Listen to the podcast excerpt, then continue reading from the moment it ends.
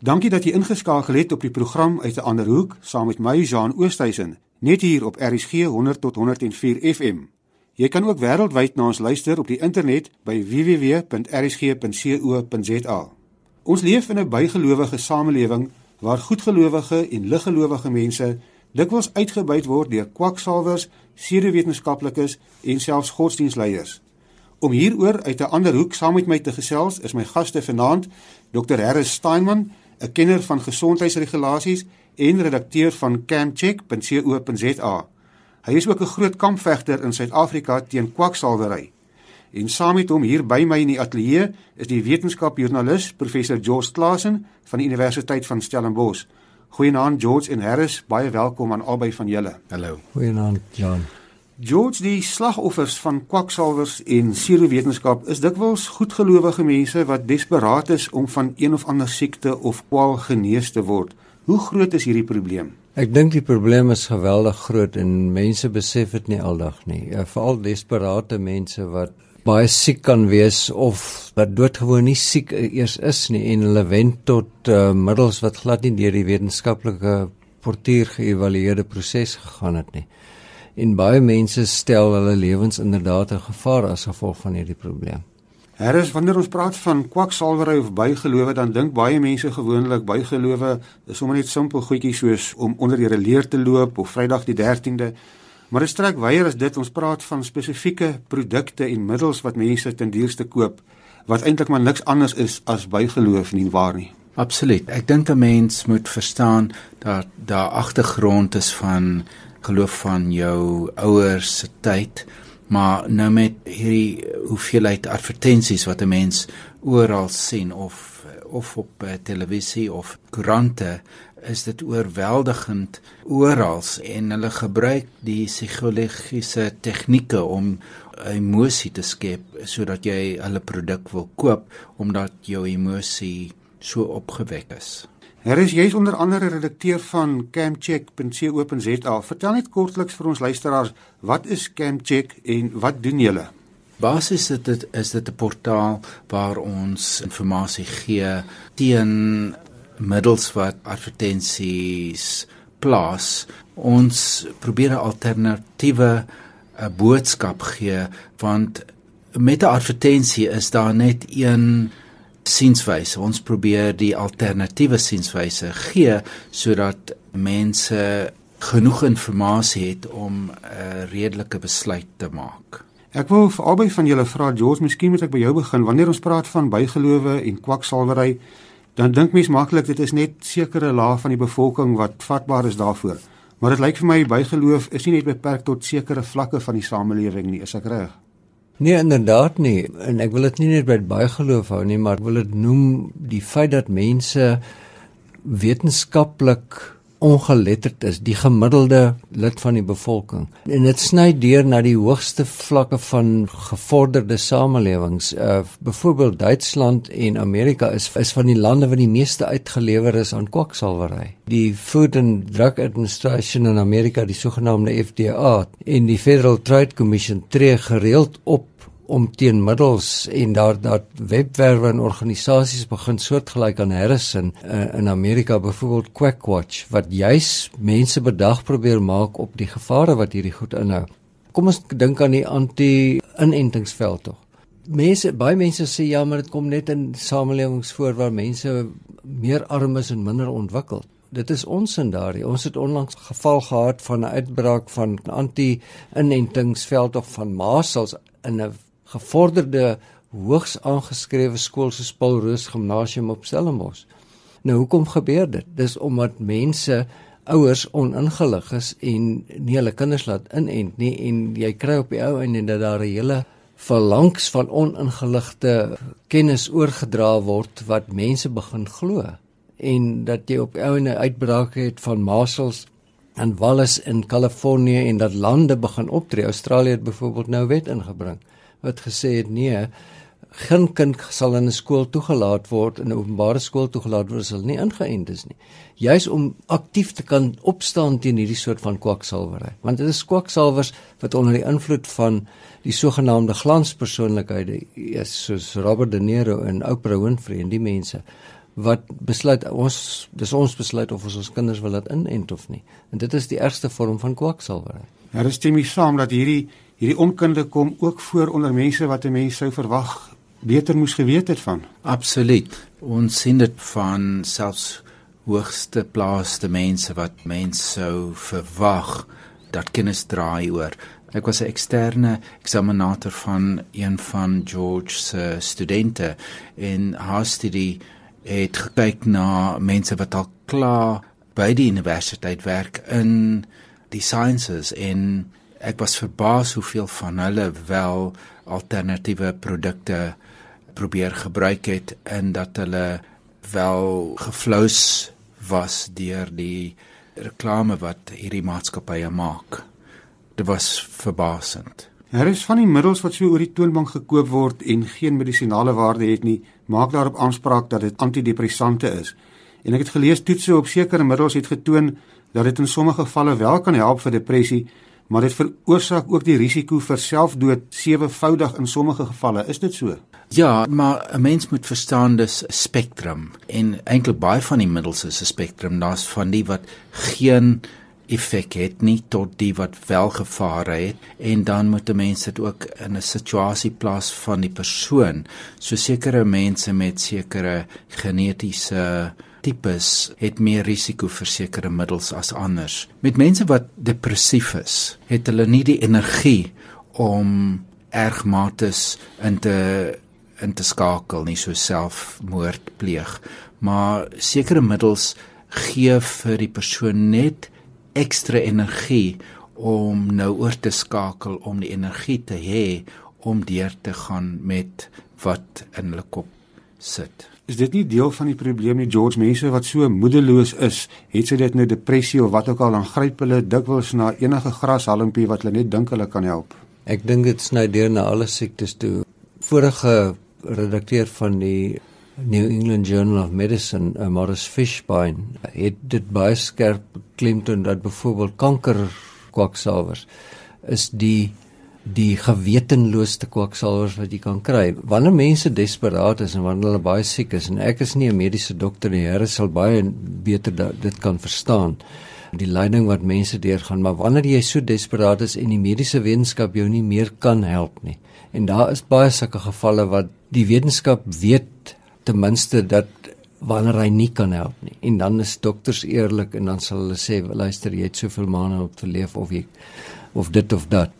En wanneer mense dan so desperaat is dan mental hulle tot middels wat wat net eenvoudig nie gaan help nie en wat in baie gevalle hulle lewe eintlik gaan verkort. Daar is ek ek dink ek het dit al gehoor en gesien by mense wat ek ken wat aan kanker ly of wat familie gehad het ook wat in 'n vroeë stadium gediagnoseer word en in plaas daarvan om oordentlike mediese hulp te kry dan wend hulle dit tot kwaksalwery met tragiese gevolge aan die einde. Absoluut. Ons sien dit op verskillende maniere. Daar is wel mense wat produkte gebruik wat geen effek gaan hê nie soos homeopatiese middels en dan produkte wat selfs ergs uh, nagelate simptome uh, bysit en ek dink wel nou op Latril wat vir meer as 2 dekade nog basiese uh, reklame maak dat dit werk en dit werk nie maar na 2 twee dekades gebruik mense dit nog. Maar ons moet dit verder sien. Is nie net by kanker nie. Op die oomblik in Suid-Afrika op die mark is 'n produk met die naam Wondernut wonderneut vir gewigsverlies. En die hoeveelheid mense wat by Camcheck nou inskryf om te sê hulle het erg neeweffekte gekry selfs twee wat wel een wat in ICU nou beland het. Maar die maatskappy verander nie hulle claims nie hulle wil nie die produk verwyder van die mark nie. En en meer erg is dat baie van die agente skryf in om te sê dat die neeweffekte nie waar is nie. En dat hulle aangaan met die verkoop van 'n produk wat wel toksies is. En erg genoeg toksies dat die MCC wel 'n media release in Oktober laas jaar uitgebring het om mense te waarsku oor hierdie produk, maar dit het geen verskil gemaak aan die verkope nie of aan die mense wat dit wel verkoop om te sê wel as genoeg mense seer gemaak word dat ons wel nie hierdie produk moet verkoop nie. Dit bring ook op die probleem dat die MCC of soos dit nou bekend is SAPRA geen effek het nie. Hulle hulle doen niks om hierdie produkte van die mark af te verwyder nie. Jy het nou ook verwys na homeopatiese produkte. Uh, is homeopatiese produkte dan almal ook deel van hierdie noem dit nou maar nuttelose produkte? Uh, daar is geen bewyse dat homeopatiese middels wel werk nie. Daar is baie studies wat wel gedoen is om te sien of daar wel effens effek het en tot nou toe is die basiese konsensus dat homeopatiese middels glad nie werk nie. Dit sê nie noodwendig dat homeopate nie goeie advies gee nie. Ons praat nie op daai vlak nie. Ons praat van die middels. Daar's geen bewyse dat die middels enige effek het nie. Selfs as skulikokum wat op radio of TV geadverteer word, die bewyse is dat dit jou griep glad nie gaan affekteer nie. George baie mense wat homeopatiese middels gebruik sal staan en val daarby dat dit werk. Is dit maar die placebo effek dan of hoe verklaar mens dit? Ja, dit is die placebo effek dat verlede week 'n uh, omvattende verslag van Cochrane uitgekom en Cochrane is die soort van bakermat uh, metastudies wat kyk na alle navorsing wat byvoorbeeld oor 'n spesifieke onderwerp gedoen is en hulle het dit gedoen oor homeopatie en gevind dat dit niks meer as placebo is nie. Maar kom ek gee jou 'n voorbeeld hoe gevaarlik dit kan wees om so 'n denkwyse te hê. Daar sterf jaarliks gemiddeld tussen 10 en 15 Britse toeriste wat voordat hulle malaria gebiede besoek in die Brittanje verlaat, dan gaan hulle na homeopate toe en dan gee die homeopate vir hulle hulle malaria bestrydende middels. En hierdie mense sterf. Dis hoekom daar so groot veldtog was in verlede jaar by ons kwaksalwer konferensie op Stellenbosch het Michael Marshall van die Good Thinking Society ook opgetree. Hy het die veld tog gelei in die Verenigde Koninkryk. Daar's groot weerstand teen homeopatiese middels in in Europa nou en die Verenigde Koninkryk se National Health Services het nou vir die eerste keer besluit dit gaan nie meer gebruik word uh, of erken word as 'n middel wat wat mense voorgeskryf kan kan hê by die NHS nie. Jy luister na die program uit 'n ander hoek op RSG 100 tot 104 FM. Ons gesels vanaand oor die potensiële skade wat bygeloof mense kan berokken wanneer mense hulle tot kwaksalwery wend. My gaste is Harris Steinman van campcheck.co.za en die wetenskapjoernalis George Klassen. Harris het nou nou verwys na uh, daai konferensie wat in Stellenbosch gehou is oor kwaksalwery. En daar het ontstellende feite aan die lig gekom. Daar is gesê daar is letterlik duisende produkte op die mark wat as medisyne verkoop word maar hoegenaamd geen medisinale waarde het nie. Is daar dan nie regulasies wat dit verhoed nie? Dis 'n goeie punt wat jy nou voorbring. Ek wil 3 punte maak. Die eerste is dat volgens die minister van gesondheid, dis nou 'n paar jaar gelede het hy wel gesê daar's 155 000 produkte op die mark wat nie geregistreer is nie. In ander woorde, hulle is nie vir efficacy of safety getoets nie. Van daai tyd af is die regulasies wel nou gepubliseer wat omtrent net 20% van hierdie produkte nou wel reguleer. Die res van hulle mag nie eintlik op die mark wees, maar die tweede probleem en die derde probleem is daar is geen policing of enforcing van die regulasies nie. So na 'n woorde, hulle werk in hierdie vakuum van die feit dat die MCC of soos hulle nou bekend is, SAPRA, absoluut niks doen om hierdie middels van die mark af te verwyder nie. So jy kan 'n produk op die mark hê wat basies net seesand is of 'n produk op die mark hê wat mense vergiftig en die MCC SAPRA doen absoluut niks om te sien wat op die mark is of om dit te verwyder of om seker te maak dat dit wel by regulasies inpas. Ons praat nou meestal van die komplementêre medisyne en nie van die ortodokse medisyne wat tot 'n mate beter gereguleer word. Jos is natuurlik nie net die produkte wat mense oor die toonbanke koop nie, dit gaan weier daar's ook sekere godsdienstgroepe wat goed soos heilige water aan mense verkoop waarvoor hulle ook moet betaal ten duurste toe en dan is dit maar net gewone gebottelde water. Ja, ons het dit nou gekry. Daar was 'n geval in KwaZulu-Natal waar die priester heilige water verkoop het en man dit, dit, jy kan nog die heilige water gaan verkoop, maar dan is dit dikwels HIV pasiënte en dan sê hulle ons verkoop hierdie heilige water aan jou op voorwaarde dat jy los ook jou huidige antiretrovirale middels. En dit is dis waar dit so uiters gevaarlik word as mense eers dit begin doen. Dit is dieselfde met antidepressante. Baie mense is op antidepressante wat hulle help om met die lewe in die oë te kyk en dan kom van hierdie kwaksalvers en sê hulle mag gebruik liewerste hierdie ding. Hulle kry byvoorbeeld sekere krye voor of wat ook al en van daai krye bots met hulle bestaande medikasie met die gevolg dit word eintlik hoogs gevaarlike storie. Daar is maar as ons nou praat van hierdie volprodukte wat ten duurste onder 'n mediese dekmantel aan die publiek verkwansel word, hoe moet die gewone man op straat nou weet watter is volprodukte? Waarna moet mense oplet? Dis 'n groot probleem want uh, hulle is veronderstel om op die pakket wel te om te sê dat hulle nie deur die proses gegaan het, maar meeste van hulle het dit nie op die pakket nie. En selfs al is dit op die pakket, weet jy nie eintlik wat in die produk nou wel is nie. So die disclaimer kan mense eintlik fop. En baie van hierdie middels adverteer op 'n manier om die indruk te skep dat hulle wel 'n vaste agtergrond of 'n of 'n redelike rede het om te werk. In ander woorde, dit is meer te doen met die bemarking van die produk as die produk en is baie moeilik vir die gewone persoon om deur daardie proses te weet wat waar is en nie waar is nie.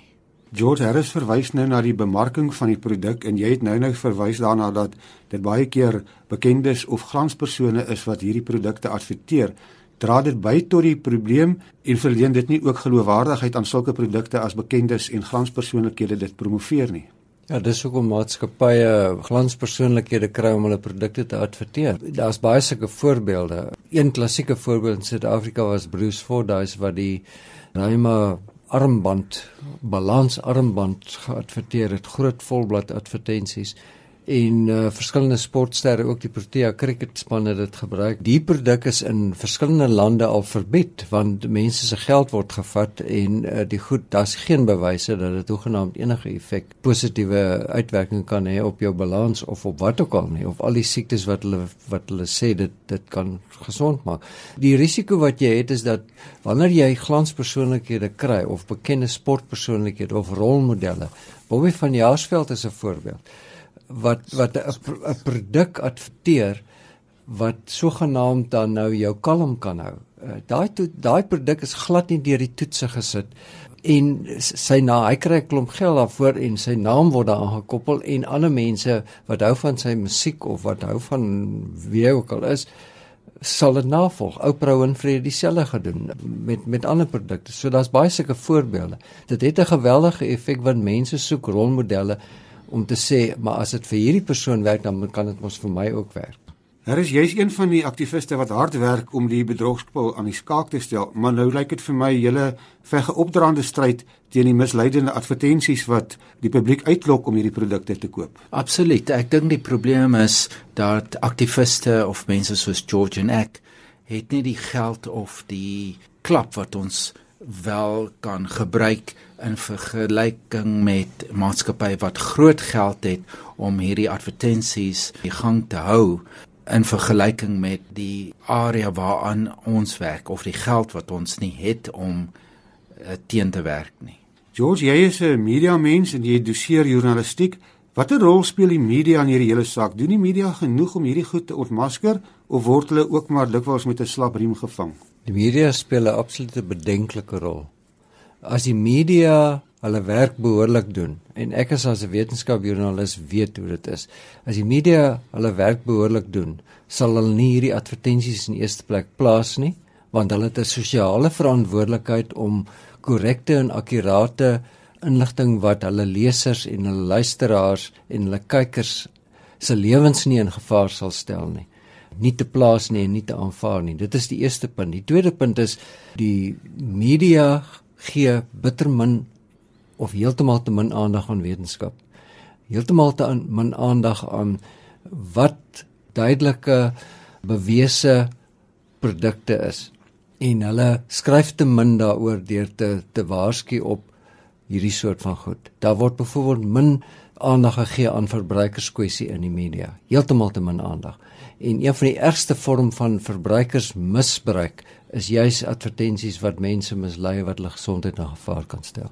Jimmy Samharris, die media moet ook 'n groot rol speel. Absoluut. Ek dink hulle is verantwoordelik, maar hulle wil net nie daai verantwoordelikheid aanvaar nie.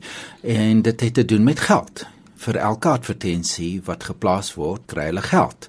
En hoekom gaan hulle dit keer? 'n Paar jaar gelede het ek aan 'n tydskrif wat uh, gelowige materiaal publiseer geskryf om te sê daar's 'n uh, advertensie reklamebeheerraad uitspraak teenoor 'n advertensie wat in hulle tydskrif geplaas is en hulle het basies net vir my gesê hulle gaan vir hulle lesers bid maar hulle gaan nie die advertensie nie plaas nie. Mens kan maklik in die versoeking kom om vir mense wat hierdie produkte te gebruik te sê hulle is dom, maar lyk my dit maak dit net erger en dit veroorsaak dat sulke mense al hoe meer daarvan oortuig raak hulle is reg. Nou, hoe moet 'n mens dan hierdie mense oortuig van die gevare? Ek dink daar's 'n paar probleme hier. Daar is 'n handvol mense of 'n paar mense wat wel in hulle produk glo. Maar die meerderheid is mense wat absoluut weet dat die produk nie werk nie. En 'n mens kan amper sê hulle is psigopaties want basies gee hulle nie om wat die effek op die gewone gebruiker gaan wees nie. En ons praat nie net van geld nie, maar ook neeweffekte en gesondheid. Mense moet ook onthou die gesondheid word nie net aangetast deur 'n produk wat neeweffekte gaan hê nie, maar die feit dat die produk geen uitweg gaan hê nie en so die persoon het 'n siekte wat 'n alternatiewe proses kon gebruik het en nooit daar aankom nie maar liewer se aangaan met 'n fopproduk en so hulle gesondheid word aangetast deur die feit dat hulle nie die regte middel kry nie. George baie van hierdie produkte en middels skep ook buitengewone verwagtinge by mense. Is dit ook dalk een van die rooi ligte wat moet aangaan as 'n produk sulke buitengewone verwagtinge by mense skep. Ja, inderdaad. Mense kan jy kan sekere dinge glo, maar op die einde moet daardie dinge wat jy glo absoluut rus op bewyse. Is daar wetenskaplike bewyse dat die produk wat jy nou koop werklik gaan werk? Is dit deur 'n baie strawwe toets proses gesit wat deur verskillende fases gegaan het? Partykeer vat hierdie fases tot 6 jaar tot 10 jaar voordat 'n produk op die mark toegelaat word sodat mense se lewens nie in gevaar staan. Daar word verwagtinge geskep. Jy gaan nou gesond word, gebruik net my produk. Jy gaan nou kalm word, gebruik net hierdie produk. Jy gaan nou dit met jou gebeur of dat gebeur. En meeste van hierdie goed wat daar is na verwys het, die sport uh, aanvullings medisyne of of middels of voedsels Daar was verlede week 'n verslag gewees wat baie sterk beklemtoon dat hierdie goed werk nie. Daar's geen bewyse dat dit werk nie en mense staan tou en koop dit om hulle spiere te bou en al sulke goed en hulle benadeel net hulle gesondheid. George, ek weet jy maan altyd mense om hulle onsin verklikkers aangeskakel te hou. Ons moet afsluit en ek wil graag ten slotte vir albei van julle vra, wat is dan julle raad aan die luisteraars om seker te maak dat hulle hulle onsin verklikkers ten alle tye aangeskakel hou? My raad is dat mense leer om behoorlike wetenskaplike webwerwe. Dat hulle nie enigiets wat hulle op die internet of in die media sien glo nie. Dat hulle na gesaghebende wetenskaplike webwerwe toe gaan en daar gaan kyk wat word gesê oor diabetes of oor een of ander siekte en nie om selfdiagnoses te doen nie en kry soveel as moontlik gesaghebende inligting en raadpleeg jou jou mediese uh, dokter daarvoor. Daar is 'n laaste woord van jou. Hoe hou 'n mens daai onsin verklikker die hele tyd aangeskakel? Hulle sê mos in Engels if it sounds too good to be true, then it's probably not true. En uh, 'n mens kan byvoeg extraordinary claims behoort extraordinary evidence by te kry. En hier moet ons groet. Ons tyd is verstreke. Baie dankie aan my twee gaste, Harris Steinman, 'n kenner van gesondheidsregulasies en redakteur van campcheck.co.za en die wetenskapjoernalis professor George Klasen van die Universiteit van Stellenbosch dat julle ons help om ons onsinverklikkers aan te hou en nie mislei te word deur allerlei bygelowe wat groot skade kan aanrig nie. Ons SMS nommer vir die luisteraars wat hulle menings wil lig is 45770 Dit kos jou R1.50 per SMS of gesels ook saam op ons Facebookblad uit 'n ander hoek. My e-posadres is jean.oosthuizen@gmail.com en jy kan my ook op Twitter volg. Vanaand se program, as ook al die vorige programme van uit 'n ander hoek, is ook op RSG se webwerf as potgoeie beskikbaar. Van my, Jean Oosthuizen, totiens tot volgende Sondag aand weer net hier op RSG 100 tot 104 FM wanneer ons weer uit 'n ander hoek gesels. Goeienaand.